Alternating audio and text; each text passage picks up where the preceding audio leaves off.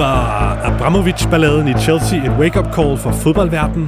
Hvilke kaniner bør Julemand hive op af hatten? Og hvem skal vrages til de kommende landskampe? Det er nogle af de spørgsmål, vi skal svare på i anden halvleg af Fodbold 5, som netop er blevet fløjtet i gang.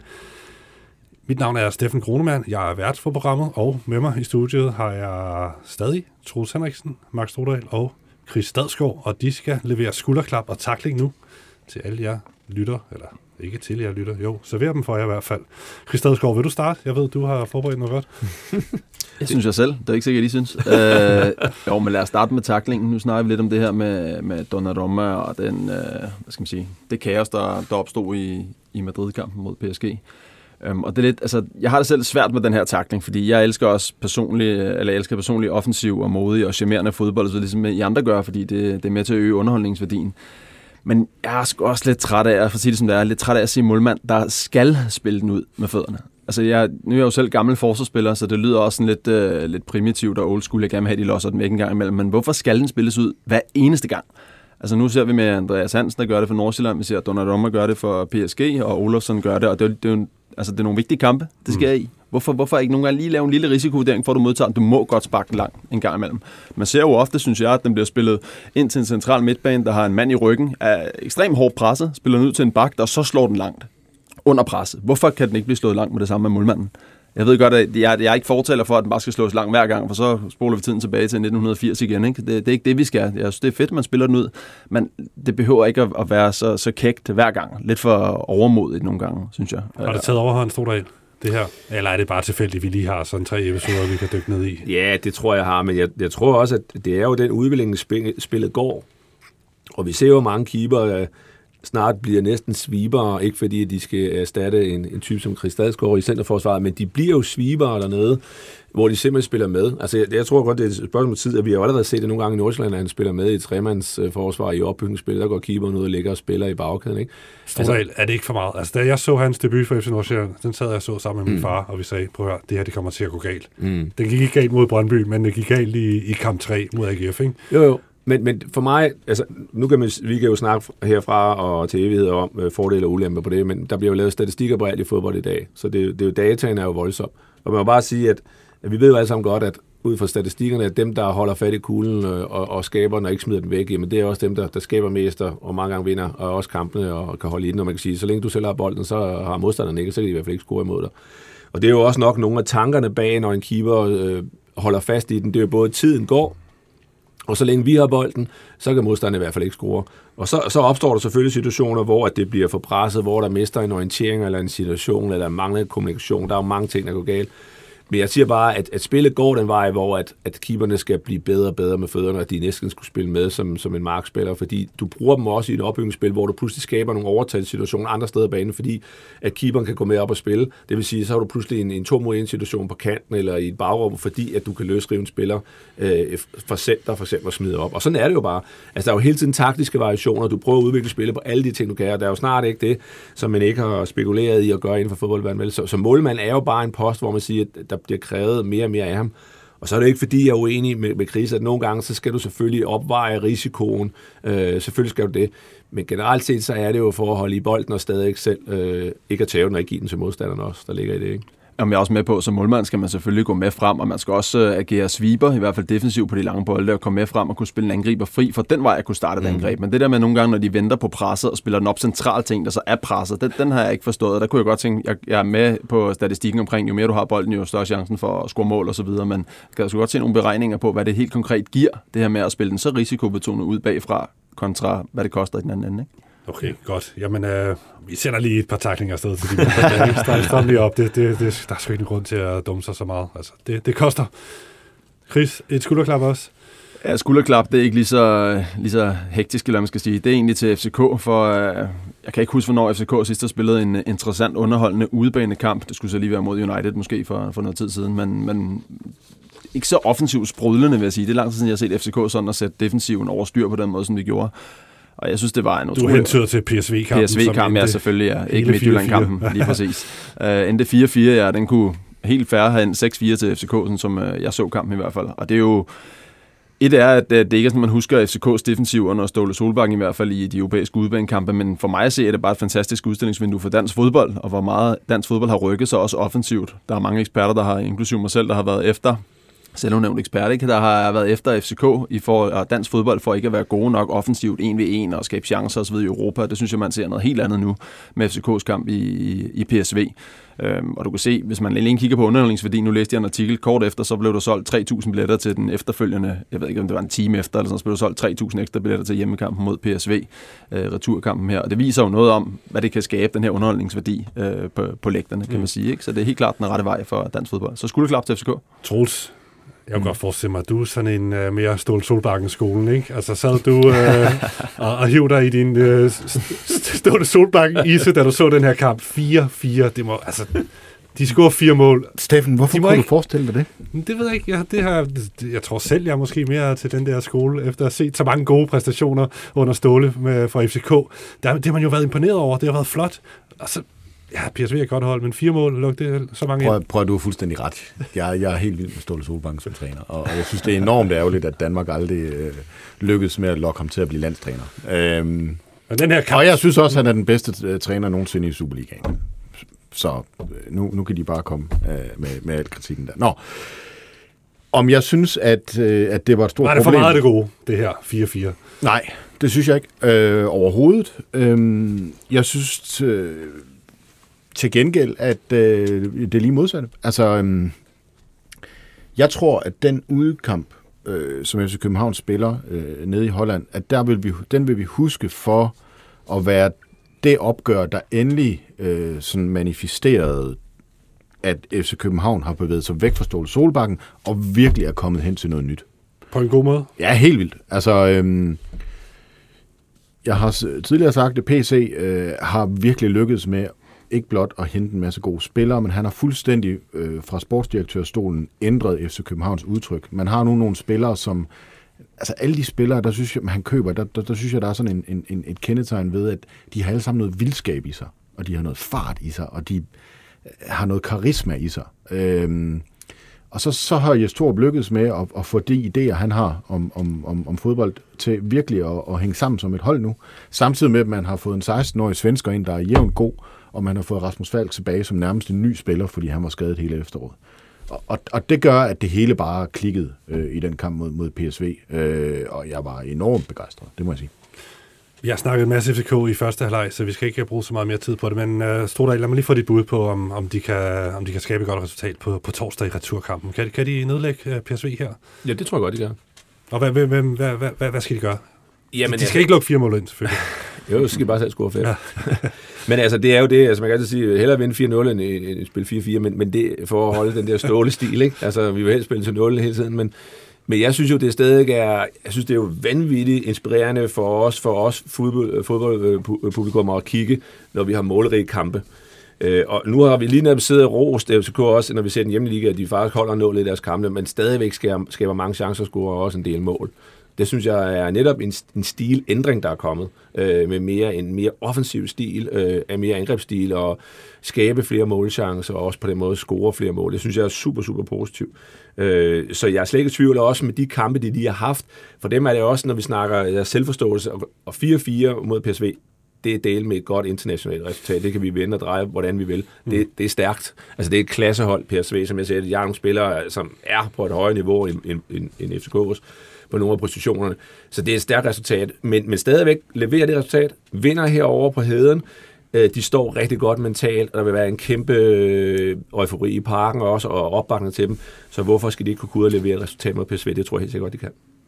Ja, jeg, jeg, jeg må sige, jeg tror sgu, det bliver svært. Altså, fordi altså PSV kommer ikke til at undervurdere så København igen, og det tror jeg lidt, de gjorde øh, i den første halvleg. Øh, og, og, og samtidig så bliver, så bliver det svært for Torp at komme med noget, som igen overrasker taktisk. Så øh, jeg, jeg må sige, jeg, jeg ser godt nok PSV som, øh, som favorit, også på grund af det. Vi alle sammen ser dem som favorit, jo. Okay. Alle sammen ser dem som favorit, men de kan levere et resultat. Men endnu en gang, flot af FCK, at de viser det danske flag ud i Europa, ikke, Chris? Og så venter der en øh, formentlig magisk, i hvert fald stemningsfyldt og fyldt parken på torsdag, så det vil også være lidt på hatten af. Jo, jeg tror, at vi alle sammen skal se kampen på torsdag, og vi er alle sammen PSV som favoritter. Det har vi, men øh, det kan da være, at FCK går ud og overrasker og står lavt, hvilket de har haft succes med i Superligaen, og så lige får scoret en enkelt eller to.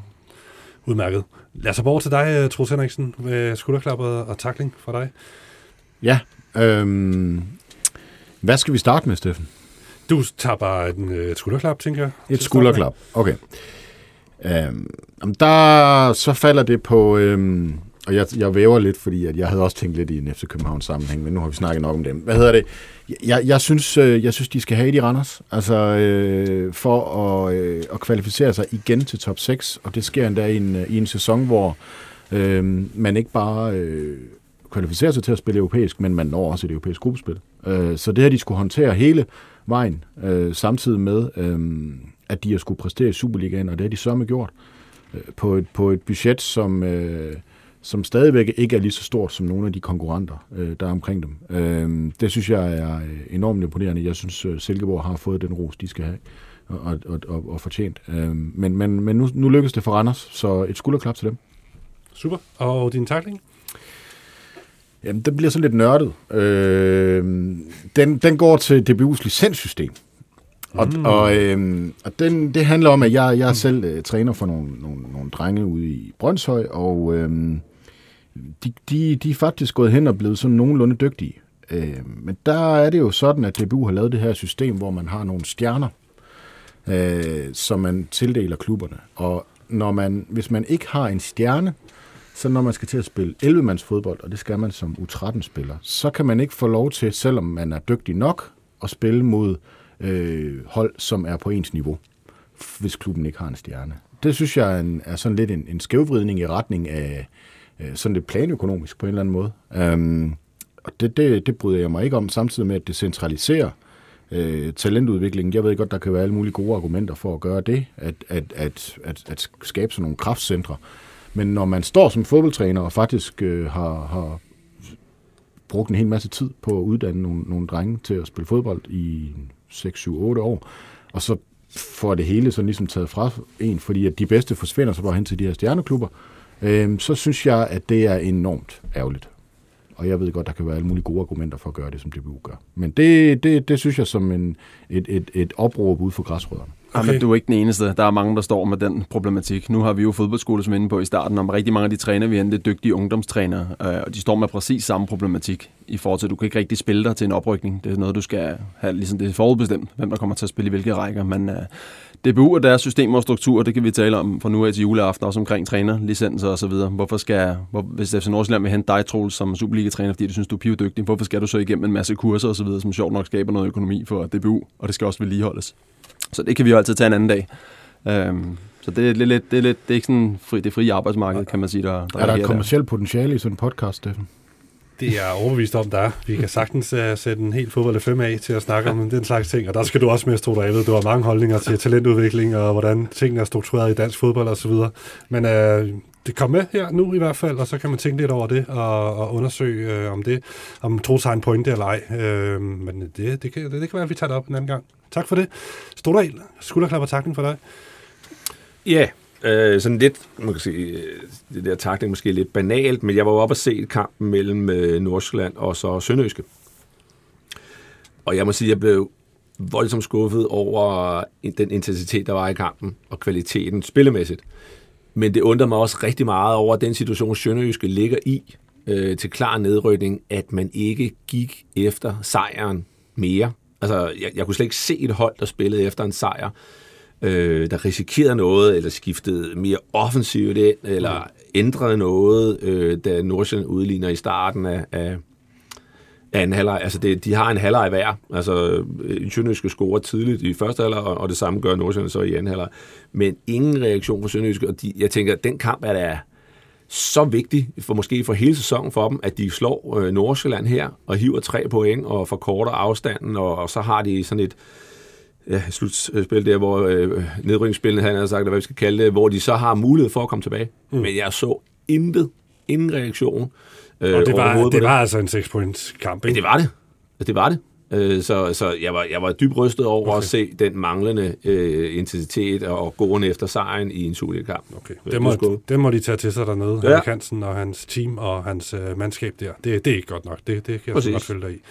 Skulderklap? Skulderklap, jamen øh, tidligere øh, trænerkollega Thomas Frank, vigtig sejr i weekenden mod Burnley, 2-0, har lagt med den sejr lidt afstand til bunden, må man sige, at spørgsmålet er også med de kampe tilbage, om det ikke sådan set var overlevelsen, han sikrede sig der øh, til endnu en sæson i Premier League.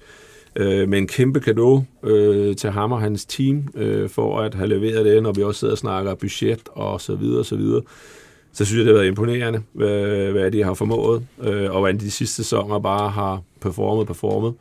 Øh, så kæmpe gave til Thomas Frank og hans team derovre for, for den præstation. Øh, det synes jeg var flot, flot arbejde. Glimmerne, og øh, så tager vi også lige og runder lytternes skulderklap og takning, som er fundet inde på Fodbold FM's Facebook-side, hvor der er livlig debat i den her uge, og der er rigtig mange, der er budt ind, men jeg har lige plukket en tre stykker her. Christian von Husum, han giver skulderklap til Helsingør. Respektværdigt. Takling for fyring af Peter Sørensen. Øhm, den fyring giver ikke nogen mening. Øh, hvad giver i det hele taget mening i den klub? Henrik øh, Bostrup Ågaard, han giver takning til Vejle, Esbjerg, Fremad Amager og andre klubber, som i bestræbelserne på hurtig sportslig fremgang hovedløst lukker dybt inkompetente udenlandske lykkerider ind i ejerkredsen og gambler med klubbernes fremtid, og dermed også den kulturarv, de repræsenterer både lokalt og i dansk fodboldhistorie. Kæmpe skulderklap til Eriksen for at finde et så højt niveau på så kort tid. Tænk, hvis han ender med at blive det, der, eller det lod, der gør, at vægtskålen tipper mod overlevelse for Brentford. Morten Carstens, han giver skulderklap til Camille Grabatas manglende spilforståelse. Gang på gang svigter han i at samle enkle bolde op. Skulderklap til Marginer. Endelig går de til FCK.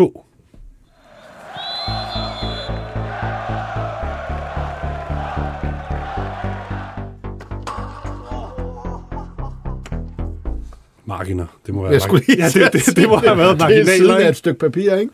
ja, det var marginalerne, der endelig går FCK's vej. Sorry for den uh, misudtalelse fra min side. Nå, lad os hoppe videre fra en misudtalelse til en landsholdsudtalelse, fordi i morgen der udtager Kasper Juhlmann sin første landsholdstrup i 2022. Der venter kampe mod Holland og Serbien i slutningen af måneden, og på det tidspunkt, der er der sådan cirka et halvt år til VM starter, ikke? Så det, det vil jeg snappe til i forhold til, til VM. Det er jo det store i år. Men hvem skal med, hvem kommer med, hvem skal ikke med, og hvem burde komme med i den her kommende landsholdssamling? Det er det, vi skal snakke om nu. Kasper Juhlmann, han nævner, at han har 50 mand på sin VM-kandidatliste og vi kan sikkert godt shoot os frem til de sikre navne. Ikke? Det er jo nok de fleste af dem, vi kender fra EM og så videre. Men øh, hvilke bobler skal have chancen den her gang? Det er jo en af de få muligheder, han har for at se nogle nye ansigter øh, sådan på nærmeste hold til træning og, og i kamp. Jeg har jer om at pege på en to-tre stykker, i, som er sådan lidt nyere navne, som øh, burde få chancen for at blive set an her i den her omgang. Så skal vi ikke bare kaste os ud i det? Stordal, hvem, øh, hvem kunne du godt tænke dig at se i landsholdstrøjen, eller i hvert fald til, til nogle landsholdstræninger? Jamen altså, nu kan vi jo snakke om, at han har virkelig mange spillere, vel, men vi har vel to hold reelt set, så kan vi jo altid sige, at det ene er nok øh, selvfølgelig stærkere end det andet, når det bliver sat, men alligevel er der mange at vælge imellem. Men jeg har hæftet mig meget med Kasper Nielsen øh, i Belgien. De ligger nummer et med Royal Union, eller hvordan vi skal udtale fransk. Det er du måske mere styr på, øh, Steffen.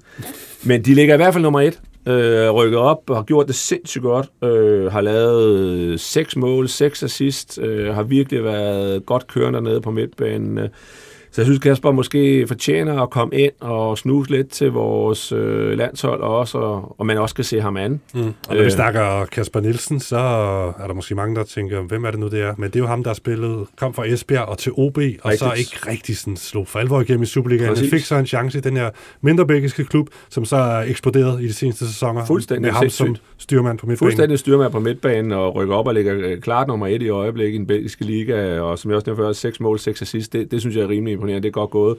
Er man med til at lave sådan et resultat internationalt, så synes jeg også, at man fortjener at få lov til at, at komme hjem og snuse til landsholdet og lige se, hvordan øh, det hele står til. Men jeg synes også, det er interessant, en interessant spiller, man, man skal have øje på. Det ved jeg også, Kasper har jo.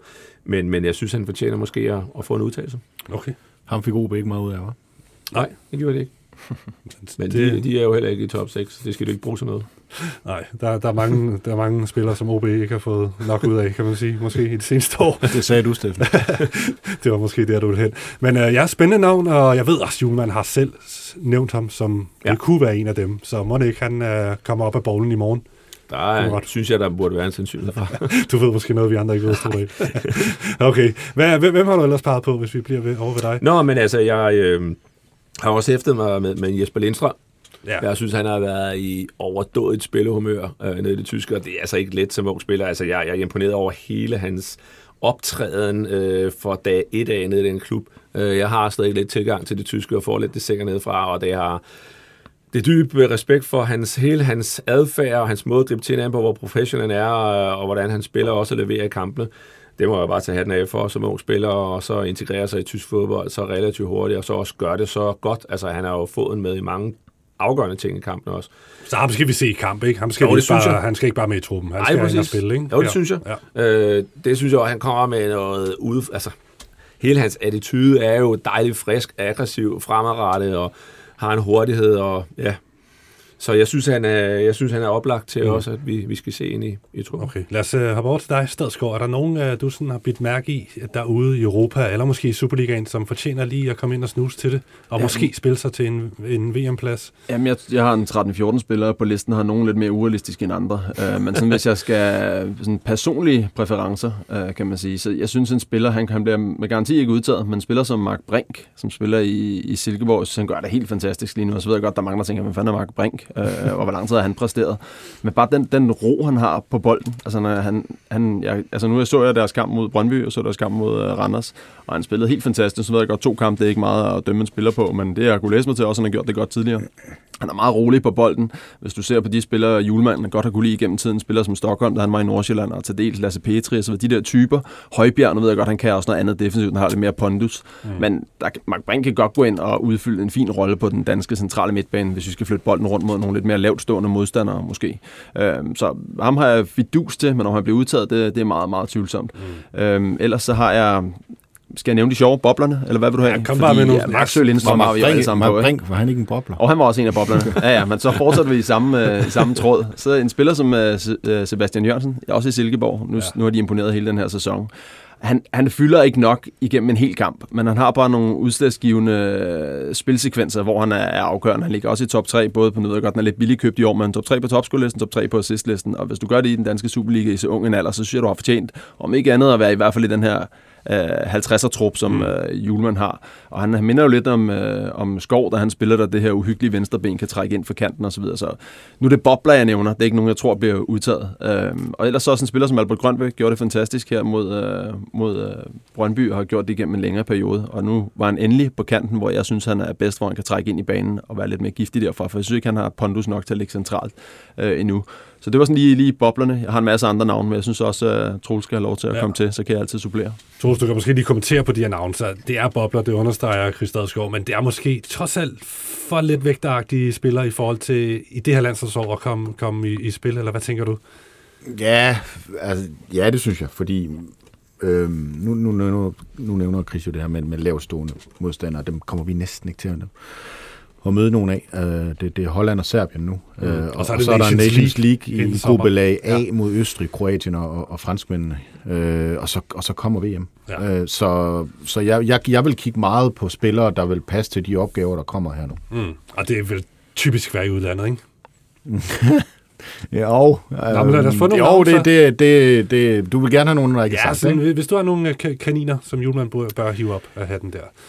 Jamen, at det, og det, er, det kan godt være, at den er sådan lidt, lidt personlig, men jeg synes øh, rigtig godt om Jens Dage i FC København. Øhm, og der kigger jeg også meget på, hvilken rolle vil man komme ind som nummer 4-25 i en, i en VM-trup og, og kunne indtage. Det, det er 5-10 minutter på en eller anden opgave, og han kan bare spille det hele. Øh, Og, og jeg synes måske også, vi så til, til EM, at øh, vi mod slutningen af turneringen manglede nogle, nogle spillere, der ikke kører trætte. Um, især i kampen mod englænderne. Altså nogle spillere, som, som, som kan gå ind og være, være stopklods i en kamp, øh, levere en indsats. Og, og, og der vil jeg sige, øh, ikke for mange Mathias Jensener på, på, på det landshold. Øh, og, og, og Jens Dage har bare udviklet sig helt vildt i FC København. Der er en grund til, at man gerne vil sælge Jonas Vind, men man fuldstændig afviste og vil sælge Jens Dage den her vinter. Det er simpelthen, fordi han er fuldstændig afgørende for FC Københavns hold. Øh, jeg tror så, at han bliver solgt til sommer, fordi nu har øh, han allerede ligesom der var lidt rummel med, øh, jeg er ikke forlænget en kontrakt og sådan noget. Så, så når man ligesom har taget det tilløb, så, så løber man på et tidspunkt som sportsdirektør ind i en blinket og siger, så er det nu. Ham har jeg. Hmm. Er der øh, nogle af de navne, der er sådan... Øh, nej, har, havde du flere? Havde du et godt navn mere, måske, at byde med?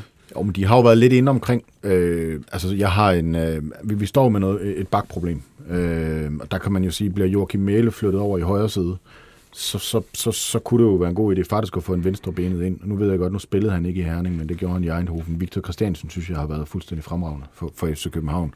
Øh, ham vil de jo heller ikke sælge, fordi han kommer til at blive rigtig, rigtig mange penge værd for dem. Det er sjældent at finde de der type spillere. Altså, han er jo heller ikke sådan en sexet venstreback. Han er jo sådan lidt øh, lang og, og store bevægelser og sådan noget, men han er effektiv. Men han er øhm. netop måske, som du siger, venstre bak, hvor at jeg, jeg, jeg har ham også på listen her, men jeg ser ham meget som den der old school venstre bak, ja. hvor jeg ser ham ikke lige så meget som den der lidt mere moderne wingback. Den synes jeg ikke, han udfylder på samme måde rollen. Det kan godt være, det lyder lidt skør, for det er jo mere eller mindre samme positioner, men der er det så ikke alligevel. Du skal have noget mere, hvad kan man sige, noget mere flow. Du skal fylde på en måde lidt mere begge veje, når du spiller wingback. Uh, det er ikke helt samme rolle som at spille den klassiske back. Men hvis vi bliver i den position, så er en spiller som Alexander Bar, han burde også være inde omkring, vil jeg sige. Han præsteret både i den hjemlige, deres hjemlige liga i Tjekkiet og også i, i, Europa, så han kunne også være en mulighed. Jeg vil så lige knytte en kommentar til grund til at nævne de tre bobler, jeg gjorde. Jeg ved godt, de er helt ude i periferien. De er måske ikke engang i top 50 på Julmans liste. Men det er også fordi, de alle sammen er 23 år eller yngre. Mm. Uh, og så er det fordi, det er venskabskampe. Og de tre venskabskampe, jeg har på mit TV, eller kampe, jeg har på mit TV, det er venskabskampe. Og det har jo givet mig meget. Så har jeg været på bænken i nogle kvalkampe, men de, de står selvfølgelig ingen steder. Det er klart, men det giver bare meget til spillerne. Og nu, var, nu talte vi selv om, jeg, der var han tidligere, talte vi omkring, at for eksempel spiller som Sanka blev udtaget til EM. Jeg ved godt, at han går ind i en trup, hvor han er, har været en del af, og det er naturligt for ham, og ved, hvordan tingene foregår. Men der savnede jeg jo lidt, at man ikke havde en Maxø med. Fordi øh, den erfaring, han kunne have fået ved med til slutrunde, der kunne man bruge nu, så han var selvskreven til at være en del af et landshold. Og derfor ser jeg gerne, at man tager nogle af de lidt yngre med, specielt i venskabskampene. For jeg kan huske første gang, jeg var med, det kan du måske også, Mark, at det er jo en helt ny verden. Første gang, man er med, du aner jo ikke, hvor klæder vi om. Det lyder sådan nogle basale ting. Men det betyder bare meget i forhold til, at du kan have ro op i hovedet. Hvor træner vi? Hvordan foregår øvelserne? Hvad skal jeg gøre? Hvad forventer de? Og så videre. Hvis du er med en gang, to gange, så kan du slippe den lille hurdle i hvert fald, og så er du forberedt på at gå ud og spille en kamp, eller hvad det kræver taktisk, og så videre. Så jeg håber på, at man tager nogle yngre med, men samtidig har jeg også forståelse for, at han ser dem ikke så tit spillerne i julemand, så han skal også have dem med, som han skal bruge til slutrunden. Det giver sig selv. Lige omkring Maxø, det er bare noget, jeg har tænkt på. Jeg er sådan lidt i tvivl, men, men er det en ulempe for ham, at han spiller i, pakket ind på den her måde i Brøndby, så, altså som, som i midten med to stopper ved siden af sig i Superligaen. Altså er det muligt at se ham?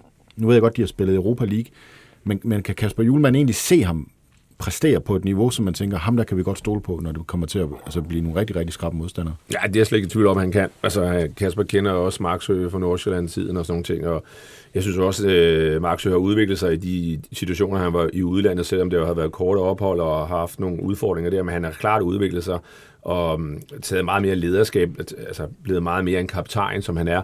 Altså, jeg synes, han har rykket sig meget, øh, efter han er kommet hjem. Øh, og jeg synes også netop i tremandsforsvaret, som Julemand jo også selv praktiserer en gang med, der passer han jo perfekt ind. Så jeg synes, at det ville oplagt også at tage ham med. Og jeg er enig med, med Chris i, at, at han, jeg tror også, at han får en rolle på et tidspunkt.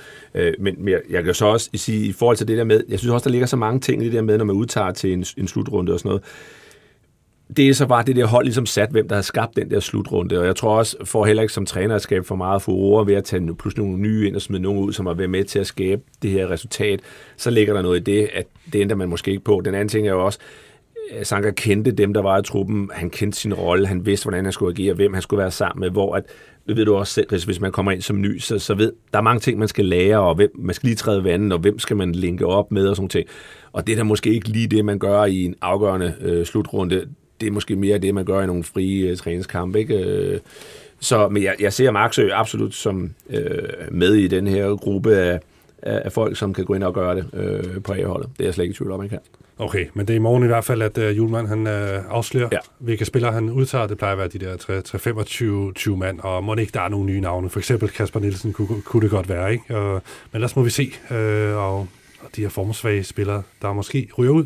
Der Rami, Robert Skov og så videre, Jannik Vestergaard. Det er jo nogle af de spillere, der ikke har gjort det så godt, men mm. det, det får vi se, og det kan vi jo snakke videre om på næste mandag, hvor vi skal se nærmere på de her landskampe, der venter.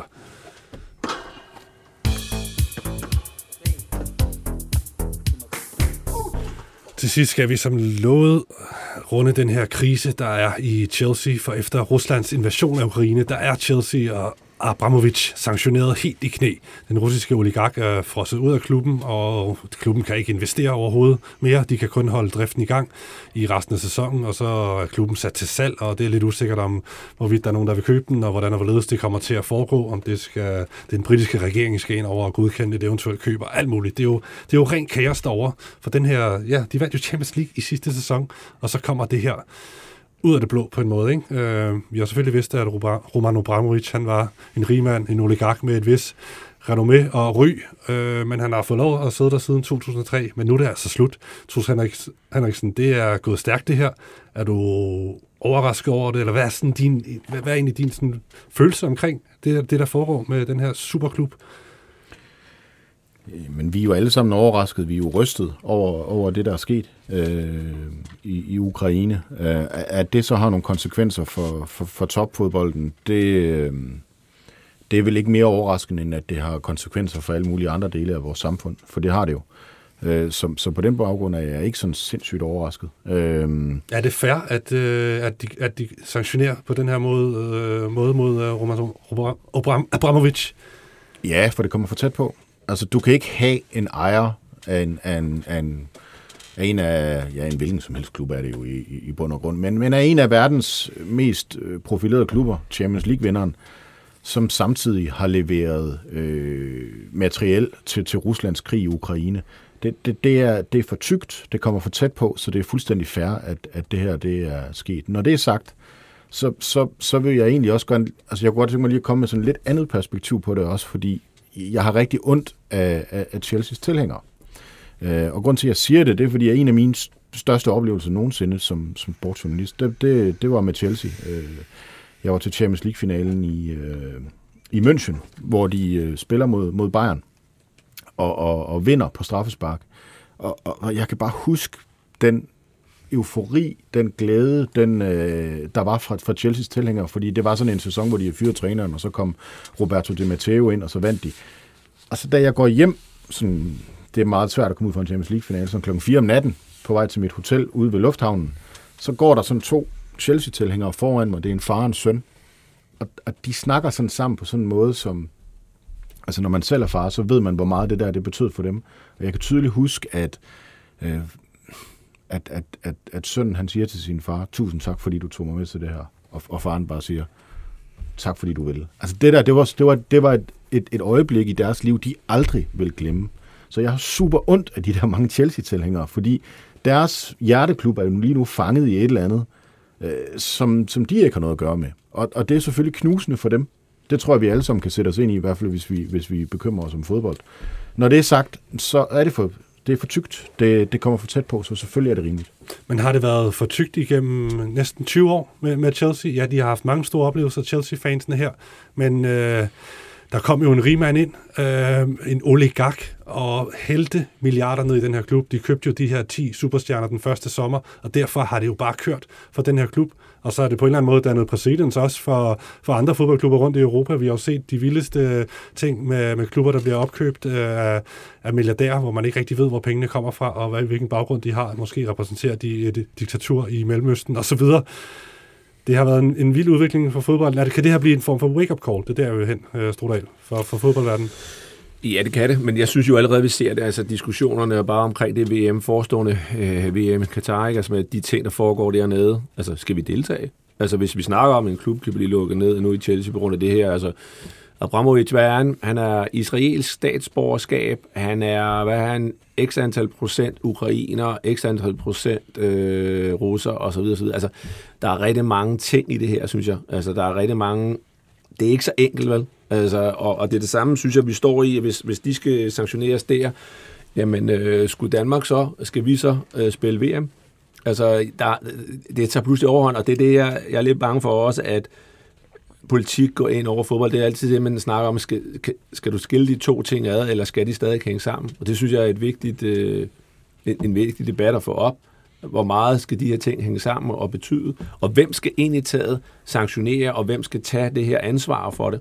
Det synes jeg også tit, altså en, vores landstræner bliver forbeholdt, altså eller vi ikke bare fra til, til, til, til et VM. Jamen altså, det er jo ikke en landstræner i første fremmest, som skal tage den beslutning. Altså, det skal jo helt op på regeringens øh, niveau. Altså, men men det, det, det er bare mange, vi ser det mange steder. Øh, og der er jo ikke rigtig nogen endegyldig sandhed for, hvornår det ene bliver sanktioneret, og når, når det andet gør vel. Det er lidt, sådan lidt øh, individuelt, hvordan det ligger til de enkelte lande og til de enkelte personer og sådan ting, hvordan de reagerer på tingene. Jeg synes, det er et problem, øh, at der ikke er nogen klare retningslinjer på de her ting, hvad vi gør i sådan nogle situationer. Det er i hvert fald noget, jeg synes, man burde tage op øh, og se på. Hvad, hvad skal der ske? Og vi, vi ser jo bare, at, og det er jo en tendens, der er i fodbold, at, at hvor er fodbolden henne, hvis vi ikke har haft den økonomi bagved? Altså, vi, der er jo også en sket en udvikling gennem de her penge, øh, som vi aldrig har set før i fodboldspil. Så vi, vi må også sige, at det, der er også nogle gode, der, der følger med, øh, når vi sidder og havler på, at, at der er nogle ting, der bliver købt ind, og, og pengene bare flyder afsted, og der er høje lønninger og alle de her ting. Men der er altså også nogle positive ting, der er sket med fodboldspillet, og der gør, at der er så mange mennesker, der ser fodbold i dag, og det er så stor en passion over hele verden. Altså, mm. Altså tingene hænger jo også sammen på en eller anden måde. Så jeg synes, det er en meget, meget svær debat. Jeg synes i hvert fald, det er noget, man burde tage op og se mere alvorligt på, måske på højeste plan i, i, i landene, i regeringen, og sige, hvad gør vi i sådan nogle situationer? Måske få lagt også en strategi for det. Hvad accepterer vi? Få lagt det ind også hos, hos FIFA, UEFA, og få lagt det som en strategi og blive mere afklaret på det, for jeg synes, det er meget udsvævende. Vi har også haft det med Barcelona, der blev lukket ned med nogle ting. Altså, jeg har personligt prøvet at læse rigtig meget om de der ting, men jeg synes ikke, jeg kan se nogen sammenhæng for det med Barcelona, det med Abramovic, øh, det med nu med vores VM i Katar. Altså, det er jo, det er jo forskellige ting, alle, alle, alle tingene. Mm. Øh, og det synes jeg er problematisk, at vi ikke er mere afklaret på, på området.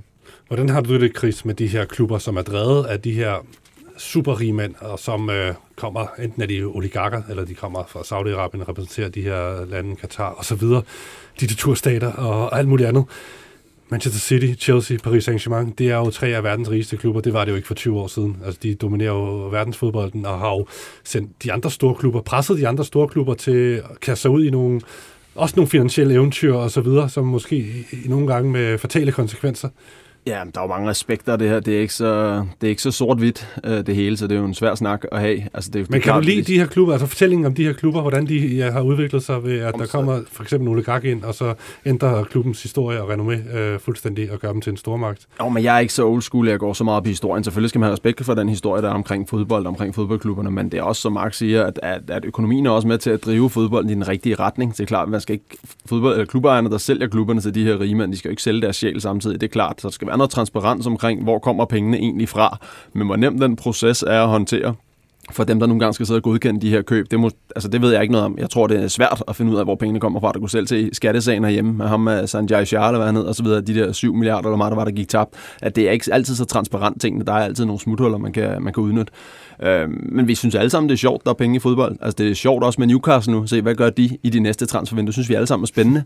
Og så glemmer man måske nogle gange, hvor kommer pengene egentlig fra? Hvad er der sket undervejs for at skaffe de penge osv.? Men at man sanktionerer mod Abramovic, hvis han, hvis han har de tætte bånd, man har til Putin, det synes jeg egentlig er fint nok.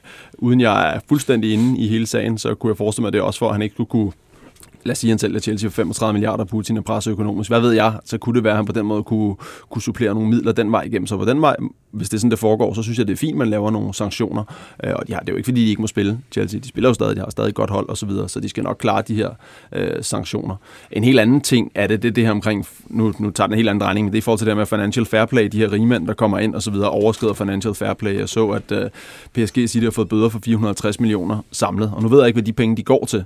Men hvis nu man lavede, nu er det en helt anden snak der, men hvis nu man lavede et setup omkring, at de bøder, at der er ikke noget, der som sådan hedder financial fair play, men hvis du overskrider de her financial fair play øh, regler, altså de penge, de går så bare til de andre klubber i rækken, så tror jeg ikke, der er nogen, der vil have et problem med, at City for eksempel har brugt 2 milliarder for meget, hvis de fik en bøde omkring det. Det er lidt en anden snak, men det er i forhold til, hvordan man kan skrue tingene sammen, så det kommer alle til gode. Hvorfor lave de her sanktioner omkring financial fair play, hvis du kan se bort fra det, og så kommer det bare alle til gode i stedet. Jeg tror ikke, der Bernie vil brokse over for 20 millioner stukket i hånden, bare fordi at City overskrider nogle grænser. Jeg ved godt, det er en lidt anden snak, men det er bare, der, er mange, der er mange aspekter i hele den her, øh, i, på det her emne.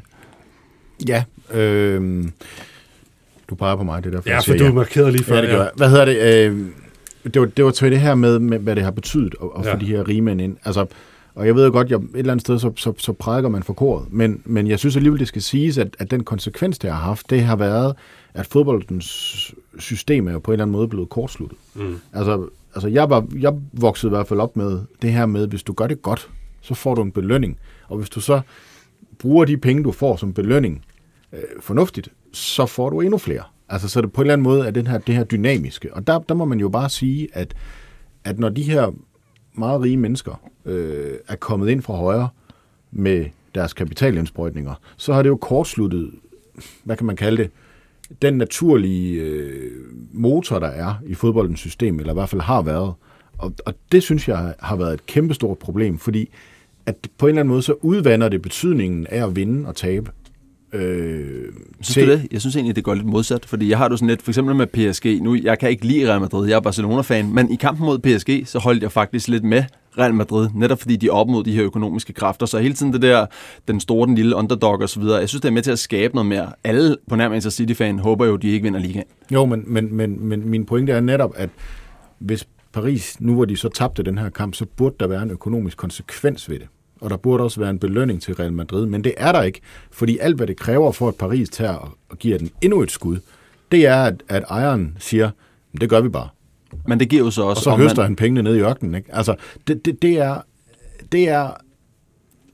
På den måde, så, så, så er der ikke noget, der hænger sammen i forhold til, at hvis du vinder et mesterskab, eller hvis du vinder Champions League, så får du nogle penge, som er fuldstændig altafgørende for, at du kan øh, vækste øh, din forretning og fodboldklubben fordi der sidder nogle mennesker, som bare kan hive dem ind ud for højre. Jamen, jeg tror, er omvendt, at det kommer jo hele fodboldverdenen til gode. Nu snakker vi om sådan en spiller som Rooney i den danske Superliga. Altså, grunden til, at nu så jeg Tøfting, han vurderede ham til at kunne blive solgt for 200 millioner, for eksempel. Om han så bliver gjort, om han bliver solgt for det eller ej, det må vi se. Men alene det, at man kan nævne, at han måske bliver solgt for 200 millioner, det tror jeg jo er et resultat af, at de her rige mænd er kommet ind på markedet, og der er så mange penge, der florerer rundt på, på fodboldmarkedet. Altså, hvis de ikke var der, så var økonomien jo væsentligt mindre, og så vil spillerne ikke kunne blive solgt for de beløb, som de gør. Det er jo ikke unormalt at se en spiller blive solgt for 500-600 millioner nu til dags. Og Nej. det er jo et resultat af, at alle de her rige mænd er kommet ind. Kan Men er det kommer alle til gode. På, på godt og Men er det godt? Altså for mig er det jo absurd. Altså det, det, det her... Det er det også, men der, det går der er ikke, der er ikke, der er ikke noget, Der er ikke noget i, i rimelighed, eller altså det er jo ikke rimeligt, at, at fodboldspillere er det værd, hvis man tænker sådan lidt rationelt over det. Altså, det, det, det, det, det er bare min holdning. Det kan godt være, at den er lidt old school. Men, men, men jeg kan huske dengang, Gianluca Lentini, han blev solgt for 80 millioner fra, var det Fiorentina til AC Milan, hvor det var fuldstændig sindssygt. Mm. Og, og der må man jo bare sige i dag, at altså, de konsekvenser, det har haft, at der er kommet så mange penge i fodbolden, det synes jeg måske ikke har været sådan til det voldsomt gode. Okay. Men altså, hvis vi ser på vores danske talentudvikling, så må vi sige, at pengene har været, været gode for os. Ikke? Altså, hvad Nordsjælland har omsat for de sidste 5-10 år, ja. det er jo voldsomt det beløb, som er med til at udvikle et akademi, men det er også med til at gøre, for eksempel, at man giver noget i form af bæredygtighed og sådan noget videre ned til øh, Ghana, af spillere, der trækker med noget ned til Afrika og er med til at udvikle det sted, de kommer fra. Og men hvor mange så, af de penge ryger så til Cayman, hvor ejeren han jo, jo, til? Men det, det er det rigtigt. Men jeg siger bare, at vi kan ikke, det er det med at, sige, med at gøre det sorte hvidt. Altså, der er klart, at der er en, en, en, et pengeflow, som er voldsomt, men vi bliver også nødt til at sige på de gode, der sker. Altså, hvor mange af de penge, vi er, der også udvikler dansk fodbold, men hvor, hvor faktisk også nogle af spillerne bringer noget tilbage til det, de miljø, de kommer fra, og er med til at udvikle nogle ting. Øh, så, så der sker også nogle gode ting ved de her ting. Det, det skal vi tage med, og det er derfor, jeg synes, det er så svært at, at trække op mellem godt og, og ondt. Men jeg synes, det kunne være rart, at vi havde en større afklaring på det for øverste niveau, at der blev talt om det her og debatteret noget mere omkring det her. Og det kunne godt være, at der blev lavet nogle regler om med, med belønninger og og nogle straffebeløb for at gøre det ene eller andet, som så til gode, blev til gode set i nogle talentmiljøer på en anden måde. Fordelingen var anderledes, men, men det er noget, man burde tage op og kigge noget mere på. Det har i hvert fald rejst noget debat i fodboldverdenen. Ja, jeg må bare lige have lov til at sige, Steffen, inden du runder af. Ja. Jeg vil gerne sætte et meget stort spørgsmålstegn ved det NGO-agtige FC Nordsjællands øh, sportforretnings øh, øh, setup. Altså det, du siger med, at det går tilbage til Ghana og nogle afrikanske fodboldspillere dernede og sådan noget. Det har der været artikler om i andre medier. Det har der. Man kan læse om i hvert fald. Præcis. Du har arbejdet i FC Nordsjælland tidligere og kender klubben og, og ser den måske fra, fra, fra det synspunkt. Så, men det, det er jo en, en helt anden snak, men uh, din pointe... Uh, skal Min pointe er, at ejeren han ja. hører til på Cayman Islands. Og det ser man rundt omkring i fodboldverdenen, og man ser det selvfølgelig også i alle mulige andre brancher. Og det er svært at finde ud af, hvad der er op og ned og så videre. Men nu er den her sag med Abramovic i hvert fald rejst en form for debat, og spørgsmålet er så, om det bliver en form for, for wake-up call for fodboldverdenen, ligesom man i den politiske verden tænker, okay, vi har været for lempelige over for Rusland igennem 20 år. Måske har vi også i fodboldverdenen, de øverste instanser, været for lempelige over for, hvordan man kan komme fra skattely og så videre, og diktaturstater, og overtage store fodboldklubber og gøre dem, og ændre øh, hele, hvad skal man sige, magtfordelingen i fodbolden kæmpe diskussion, men uh, vi fik taget lidt hul på den og kom med nogle synspunkter herinde. Tak for det. Vi har ikke uh, mere tid i, i dagens uh, fodbold FM. Det var en fornøjelse at have dig i studiet, Troels Henriksen, og det samme med dig, Mark Strodal og tak. Chris Stadskov. Og uh, tak fordi I lyttede med og så med derude, og vi er tilbage på næste mandag med meget mere fodbold FM. Så tak for nu.